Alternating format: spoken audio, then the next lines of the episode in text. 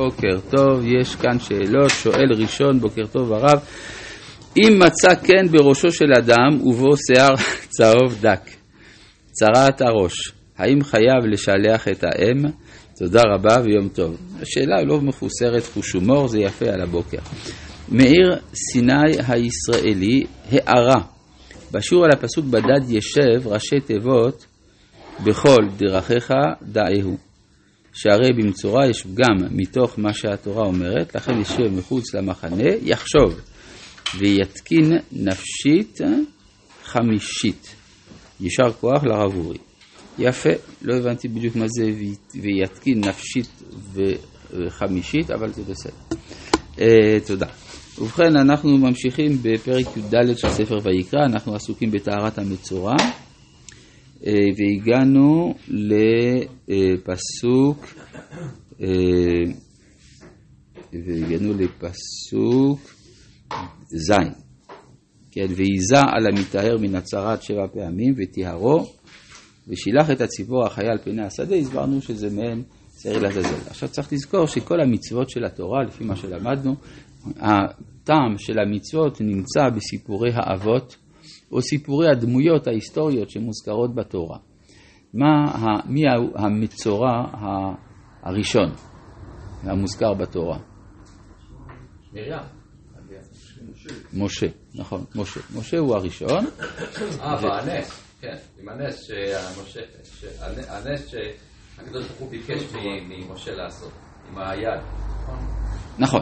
אז בקיצור, אז משה הוא המצורע הראשון, ומה זה הסיפור הזה שהוא יושב בדד מחוץ למחנה?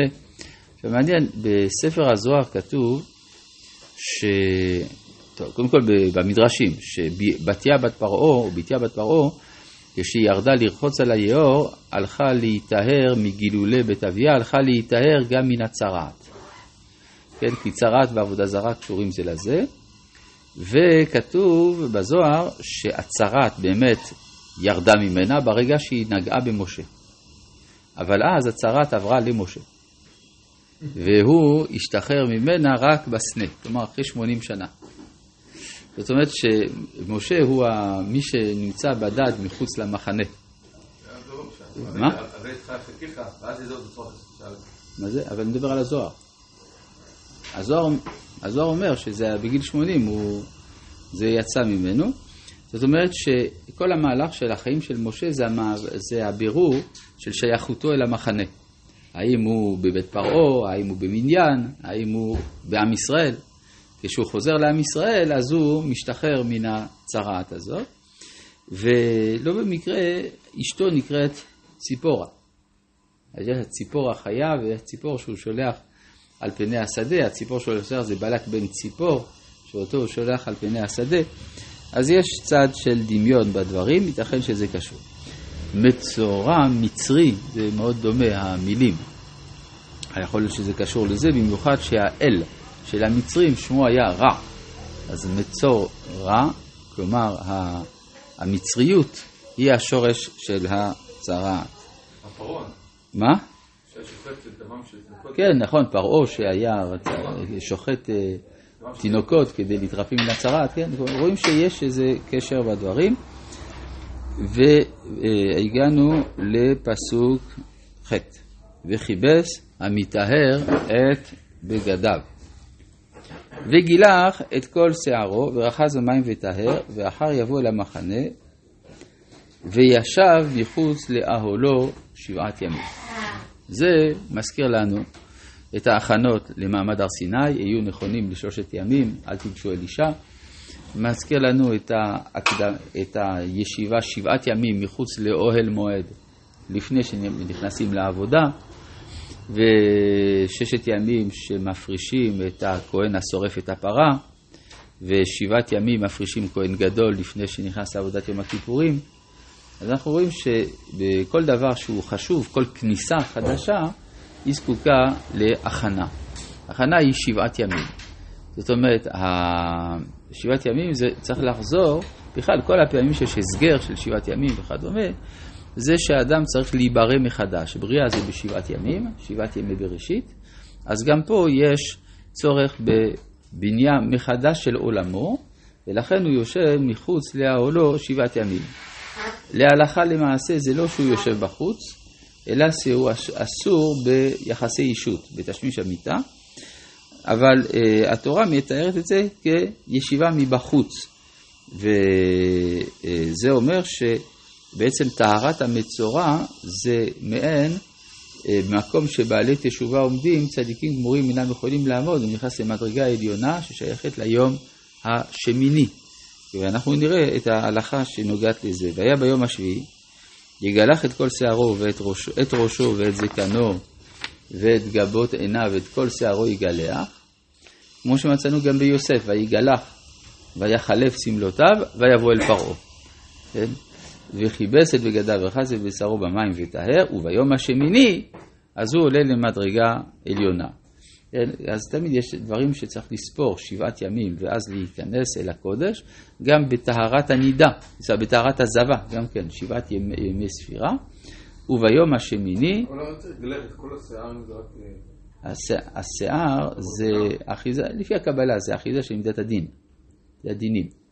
כן. כן מה? הכל. כן, לא את הריסים, כן, הריסים משאירים. כן, הכל, כן, כל השיער, מה הבעיה? גם שערות הזקן? כן, כן, הכל, הכל זה דינים במדרגות שונות ומשתנות, כן? יש דינים קשים, יש דינים רפים, אבל הכל זה דינים, גם הזקן. וביום השמיני ייקח שני כבשים תמימים, אגב, בזה הוא דומה ללוי. הלוי הוא גם כן מידת הדין, לפני שנכנסו לעבודה, מגלחים את כל שערם. כן? זה תמיד אותה בחינה שרוצים להסיר את הדינים מן האדם.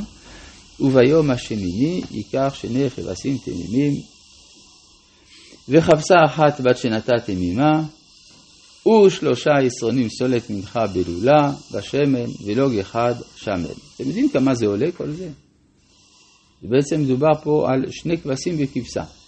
כן? שלא לדבר על אה, הכמות העצומה של הסולת פה. כן? זה דבר יקר. בדרך כלל קורבנות לא עולים כל כך הרבה כסף. אלא אם כן מדובר בקורבנות נדירים, כן? למשל בהאשמות. אז אל אשם, אשם זה עבירה נדירה. אז באמת זה עולה הרבה יותר יקר. אבל דבר שהוא עבודה של יום-יום, אז התורה מתחשבת גם ביכולת הכלכלית של האדם. ו... אבל כאן הוא צריך להביא שני... אה, שניים לשני כבשים וחפסה, כן. אז למה? מה? סתם עולה לו כסף, זה לא כסף, אז קודם כל, זה חלק מה... הוא צריך להיזהר. קודם כל תיזהר ממה שאתה מדבר. זאת אומרת, הוא נהיה מצורע זה לא סתם. כן? ופה יש, לכל אחד מהדברים האלה יש תפקיד. יש עולה, חטאת, אשם. כן? כלומר, הוא צריך בעצם לעשות אה, מעבר עכשיו של כל אה, סוגי הקורבנות כמעט, כמו שכשאדם מתוודה אומר חטאתי, עוויתי, פשעתי. תחליט, חטאתי זה בשוגג, עוויתי במזיד, פשעתי זה במרד.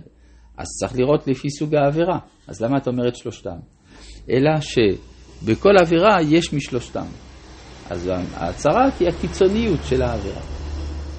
והעמיד הכהן המטהר את האיש המטהר ואותם לפני השם פתח אוהל מועד, ולקח הכהן את הכבש האחד והקריב אותו לאשם, ואת לא גשמן.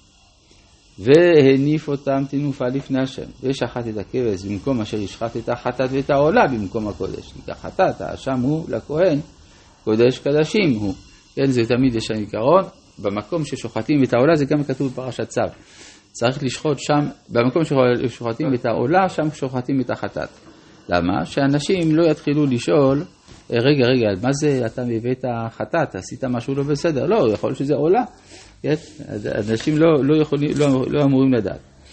ולקח הכהן מדם האשם, ונתן הכהן על תינוך אוזן המיטה הימנית ועל בוין ידו הימנית ועל בוין רגלו הימנית, כמו בכניסה לעבודת הכהנים אל הקודש, אהרון ובניו גם כן בוהן, אוזן וכולי, כי זה החלקים הבולטים, זה החלקים הפועלים והנכנסים וה...